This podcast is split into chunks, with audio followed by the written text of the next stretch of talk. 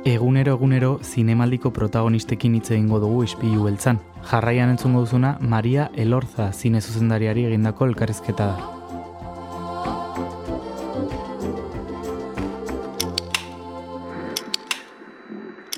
Pelikula bada amodio gutun bat lau protagonistei eta omenaldi bat eta noski ba nere amari batez ere eta bai neri bueno italiar elementua asko gustatzen zait beti. Ni ere italiar hiritarra ere ba naizelako eta eta hori ere errebendikatu behar dut zergatik ez. Ispilu beltza. Donostiako kulturaren berri Oier Arantzabal eta Kristina Tapia Buizirekin kursalean jarraitzen dugu entzule eta hasieran iragarri dugun bezala gaur Maria Elorza zuzendaria daukagu gurekin Donostia Kultura Irratian, berak zuzendari berriak sailean aurkeztuko baitu a las mujeres y a los libros kanto filma filma bitxia, orain hitz egingo dugu horren inguruan, entzungo duzue kursaleko zurrunbiloa, hemenkin gurekin Maria daukagu eserita. Zer moduz, egunon? Egunon, ba, ondo, pixkat urduri proiektzioarekin, baina, bueno, postik eta eta ilusio handiz.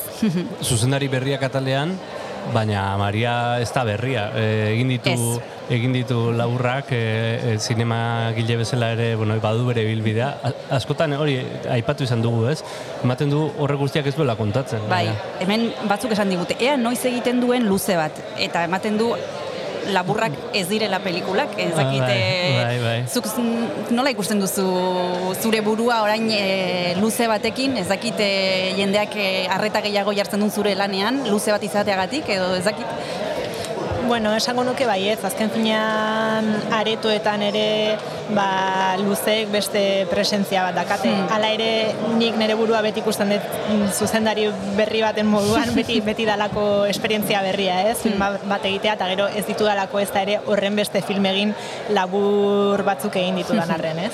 Bueno, guk e, pelikula ikusteko aukera izan dugu, privilegiatuak gara zentu hortan, e, eta, bueno, galdetu aldiogu zehazki pelikularen inguruan, baino baten batek seguruenik ez daki zeri buruz ari garen Maria kontatuzuk, zer kontatu nahi izun duzun pelikulan, eta nola sortu zen e, proiektu hau egiteko aukera, ze oso bitxia da, pelikulan hasieran kontatzen duzu? Bai, ba, a los libros y a las mujeres canto, lau emakumeren erretratua da, etxean dazkaten liburuen bitartez. E, hortik karatago ere bada ba, literaturaren inguruko hausnarketa bat eta zinearen eta irudien inguruko hausnarketa bat ere bai. E, abia puntua, abia puntua anekdotikoa izan zen ba, nire amak etxean eukizuen istripu bat e, liburuen apalategiarekin gainera jausi zitzaion eta bueno, mi, behatzean min hartu zuen eta eta egun batean ditu zidan ba, ospitalean zegoela esateko behatza utxita e, liburuen erruz eta etxera joan nintzen, desastrea filmatzera, bere estudioa liburuz beteta zegoen, Divina Komedia erditik zatituta, eta, eta bueno, broma asko egin genituen horren inguruan, baina, baina serio ere hitz egin genuen, literatura, liburuak, ze paper, gauza bakoitza gure bizitzetan, eta pixkanaka grabatzen hasi nintzen. Eta, eta horrela hasi zen filma, e, film bat izango zela ez nekienean oraindik. Zuk e, filmatu zenuen, hori jakin gabe hori pelikula bat bihurtuko zela gero, osea, ordun e, zure amaren etxera zoaz kamararekin, por si acaso.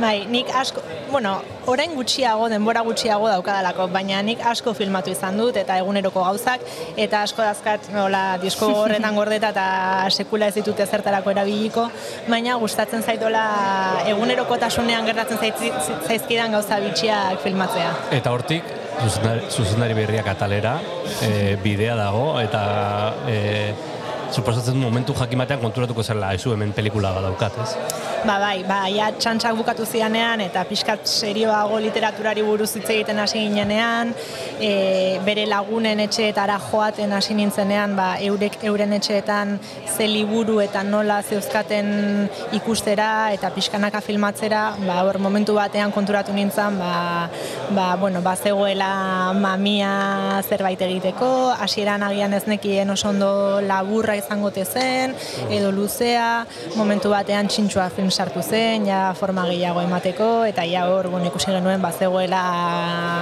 hola serio hartzeko moduko proiektu bat, bai. literatura bezain serioa den gai batekin, eta eta arduan bai hasi ginen ja, ba, beste medio batzuekin, eta beste egitura batekin, eta ja, beste fundamentu batekin lanean. Agertzen dira lau emakume, aipatu duzu lehen, eta pelikula ikusten duzunean, pentsatzen duzu, ostras, ze suertea, emakume horiek zure bizitzan e, euki dituzulako, e, eta, di, bueno, eta dituzulako gaur egun ere ez, e, haze pertsonaiak, ze, jo, ez da, erresa, e, olako lau emakume topatzea, eta gainera zure egunerokoan egon direnak eta daudenak. Ha, bai, eta ze responsabilidadea, hmm. gero filmak egin behar dituzu emakume hauek elkarrezketatzeko, ezin dituzu zure bizitza nuki eta eta hola ahotsik gabe utzi, hmm. baina, baina bai, egia esan badira txikitatik ezagutu ditudan emakumeak eta nire formakuntzan ere ba, paper garrantzitsua eduki dutenak eta ba, beti niretzako estimulo bat izan direnak, ez? Eta, eta asko irakurtzera bultzatu nautenak eta akaso zine egitea ere ba, beste arrazoi batzuen e, artean eure bultzatu naute, ez? Ba, irutzu zaizue, pelikularen trailerra entzungo dugu. Osondo. Hau, nire amada hau nire aizpa. Eta hau nire antza duen norbait. Hau nire amaren etxea da. Literatura bertan sartu zen. Etxea harturik zegoen. Baina egun batean... Yo estoy bien. Pero la La más ha quedado con un dedo torcido, que es el dedo que se pilló en la estantería. Orduan, nire buruari galdetu nion. Hil dezakete liburuek, edo bizitzen laguntzen digute. Amaren lagunen gana jonuen, erantzun bila. Que un día la poesía te cae como un manto, y es un manto de corte. Te protege como un manto de corte. En mis eh, incursiones por la, por la provincia, pues yo prestaba libros y luego hacíamos, quedábamos para hacer el comentario de texto. Nos desprendimos de, de, de del papel. Del, pa del pasado. De, y del pasado. Hay mucho de esto. Film honetan erleak daude. Suteak, zigarro gileak, hegazkinlariak, zaldiak, emakumeak eta liburuak.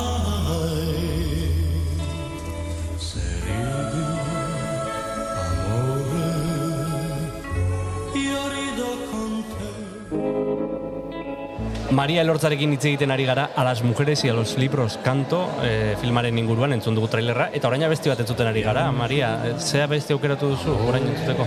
Ba aukeratu dut Bobby Soloren Sepianji Serridi.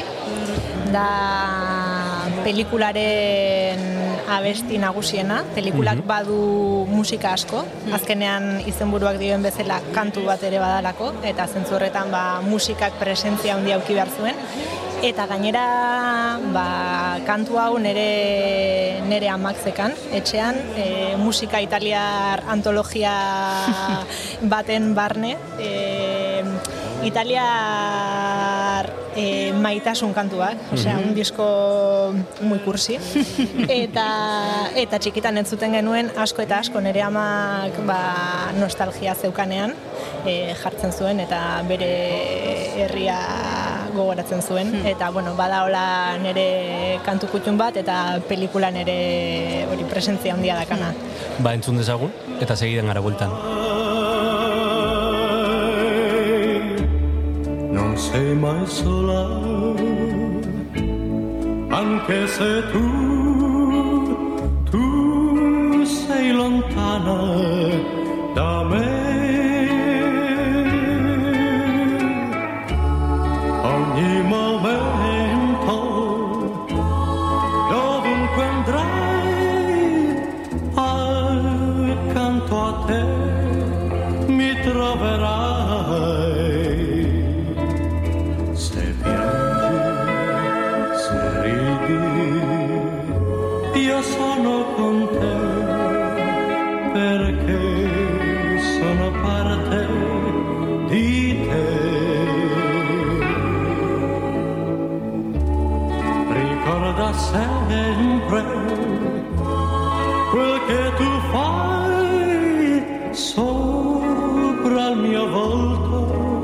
lo rivedrai.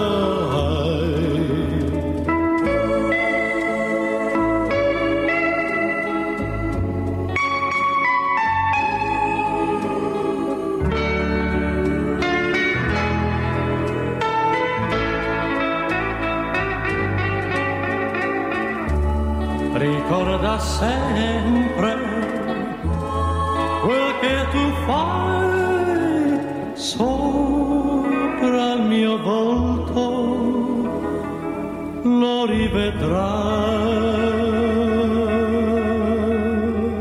Maria Elorzarekin gaude hitz egiten hemen kursalean, aurkeztuko baitu pelikula zuzendari berriak sailean, a las mujeres y a los libros kanto. Aipatu dugu abesti bat, aipatu dugu literatura, baino aipatu behar dugu ere bai Italia eta Italiera oso presente dago, Italieraz egiten duzu narrazioa. Em, ikusten nuenean pelikula, pentsatzen nuen e, zure amari em, omenaldi txiki bat egiten ari zinela edo amodiozko gutun bat idazten nola bai pelikularen bidez. Ba, noski baiet, e, egia esan e, pelikula bada amodio gutun bat lau protagonistei eta omenaldi bat, eta noski ba, nire amari batez ere, eta, eta bai, niri, bueno, italiar elementua asko gustatzen zait beti ni ere italiar hiritarra ere banaizelako, eta, eta hori ere errebendikatu behar dut, zergatik ez. Eta, eta bueno, gero pelikulan ere asko hitz egiten delako ba, interkulturalitateari buruz asko hitz egiten da filmean. E, ezakit, azkenean eta literaturari buruz ere e, iz, hizkuntzarekin lotuta, ez? Eta eta hor ba hizkuntza aniztasunak ere par, paper bat eukiz esan nahi nuen, ez? Eta eta pentsatzea, ba, bueno, ez duela asko importazio hizkuntzatan hitz egin, ba, denok elkar ulertu dezakegulako, ez? E, nahiko nuke agian e, labur-labur esplikatzea zein den emakume bakoitza. Batetik dago zure ama eta gero beste mi, hiru emakume, lagunak eta familian, bueno, ja, ja, ja, familiako kide bezala direnak zuentzat. E, bi lerrotan zein da bakoitza eta ze paper izan duzuen bizitzan? Vale, ba, Loreto, da, bueno, hiru emakumeak, nire amaz gain, beste hiru protagonistak nire amaren lagunak dira. Orduan, e, beti txikitatik ezagutu izan ditut, eta umetan ba, denbora pasadetu eraiekin, ez? E, lehenengoa Loreto, e, aukeratu nuen filmerako ba, literatura eszenaratzen duelako bere bizitzan asko, ez? E, ba, adibidez, armairuan dazkan jantziak e, pertsonaia eta idazle ezberdinekin lotzen ditu. Ba, badu Samuel Beckett txamarra bat, edo Marlene Dietrich gabardina bat, e, horrelakoak, ez? Eta gustatzen zitzaidan hain justu e, literatura material tal, materialtasunera eramateko era hori, ez? E, eta norbaitek literatura jantzten duenaren ideia hori. Hori alde batetik Loreto, literatura irakaslea eta, eta, eta literatura jantzten duena. Bestalde dago Biki, Biki berez ez da literatura irakaslea, baina oso irakurzalea da. Eta, eta garai batean petearen liburuak zeramatzan bere kotxean, eh, atzekaldean, eta probintziatik zijoan eh, marxismo-leninismoari lotutako liburuak uzten langilei eta komentarioak egiten. Eta, bueno, garai hori oso atzean gehatu den arren, ba, berak jarraitzen du asko irakurtzen eta baita ere literatura ba, arma bat bezala ikusten, ez? Eta, eta literaturari buruz ba, asko hitz egiten. Eta azkenekoa balda, berak e, Geteri buruz egin zuen tesia, alemana da, bal? Eta, eta gustatzen zitzaidan, ba, Geteri buruz hitz egiten duenean, ematen duela bere bizilaguna dela, ez? E, gaineko pixuko bizilaguna dela, eta egunero ikusten duela, eta, eta kafea elkarrekin hartzen dutela, ez? Eta, eta baita ere gustatzen zitzaidan asko, balek kontatzen zuela, ba, berak txikitan e, oso pobreak ziren eta etzekan libururik etxean, bakarrik errezeta liburu bat eta biblia bat, ez?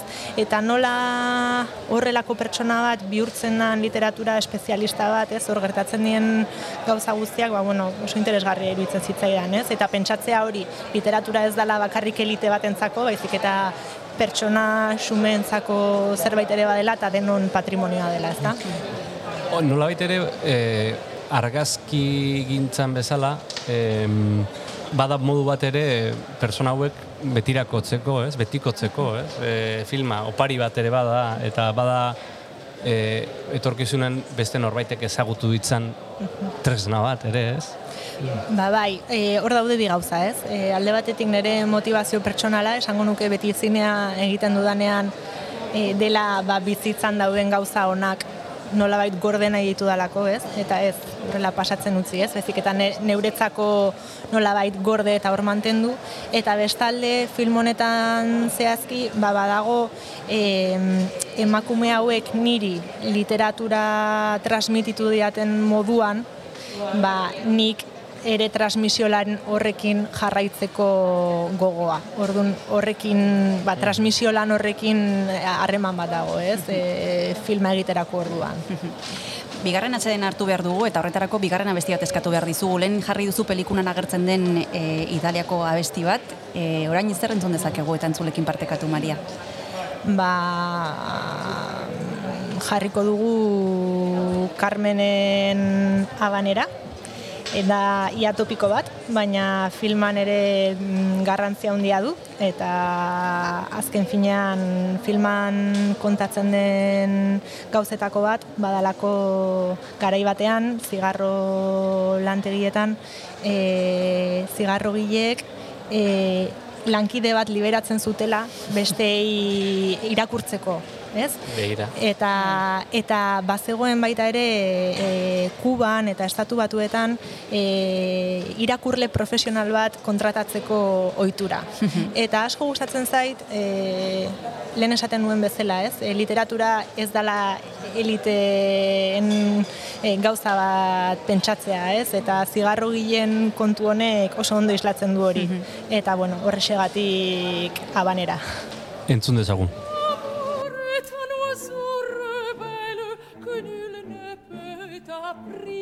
passé et c'est bien on va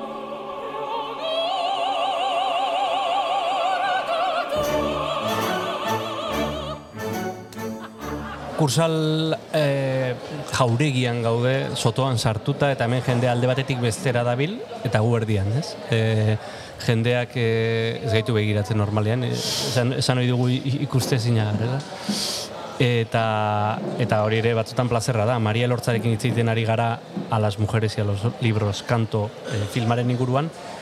Mm, Konta iguzu, nola izan da, lehenengo luzea egitea, e, pelikula batek pixatzen du, ez? E, eta aurkezten duzun momenturaino, ez? Jendearentzat da hasiera, aurkezpen hori, baina zuretzako ja da amaiera, ez da amaiera izango, baina bai dagoeneko filmarekin denborazko bizira ondu, e, duzu, ez?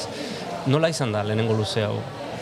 Ba, bueno, alde batetik, e, zentzu batzuetan, e, film laburrak egitea bezala. e, zergatik, ba, lan, lantalde antzekoarekin egin dudalako lan, betiko, jada nire betiko ekoizleekin, Marian Mhm. Fernandez eta Koldo Almandozekin. E, egin batean metodologian nahiko antzekoa erabili dudalako, film luzea egiteko, e, pixkat aurreko lanen espiritu berdina daukalako, askatasun berdinarekin egin dudalako, eta eta hau ere ba, ekoiz, ekoizleei esker izan da, ez? Mhm. E, erabateko askatasuna eman didatelako. Baina bestalde, ba, komentatzen zenuen moduan, prozesuak askoz luzeagoak dira, eta lehenengo irudiak 2018an grabatu nituen, beraz, ja, badira la urte lehenengo lehenengo irudiak grabatu nituenetik. Orduan, e, pixutsua izan da mentalki momentu batzuetan, ez? E, denbora asko ba, gai batean murgilduta, gauza berari bueldak ematen. Orduan, esango nuke hori, film laburrekin alderatuta metodologia aldetik eta antzekoa izan dela, baina askoz intensoagoa eta askoz, askoz luzeagoa. Zaila izan da amaitzea? Bai, bueno, neri beti pasatzen zait, eh, nire lan guztiekin ez dakidala amaituta ote dauen. Ez dakizu non jarri puntua. Bai, hori da, eta film honekin ere, ba, seguraski lanean jarrai nezake betirako, osea, gainera gaiak ematu, ematen duelako, ez? E, baina bestalde uste dut, ba, iritsi naizela e, zerbaitetara, ez? Osea, ikusleak e, ikus dezakela eta zerbait ulertu eta nolabait e, filma hartu eta bere ganatu, ez? Uste dut ez dala ez da ere hola formarik gabeko amalgama bat, ez? Baina, bueno, beti ba, askotan, gauza askotan bezala kasualidadeek markatzen dute bukaera eta eta ondo dago bizitzan ere dana ez dira erabakiak, ez? E, bizitzak berak ere erabaki behar ditu gauza batzuk.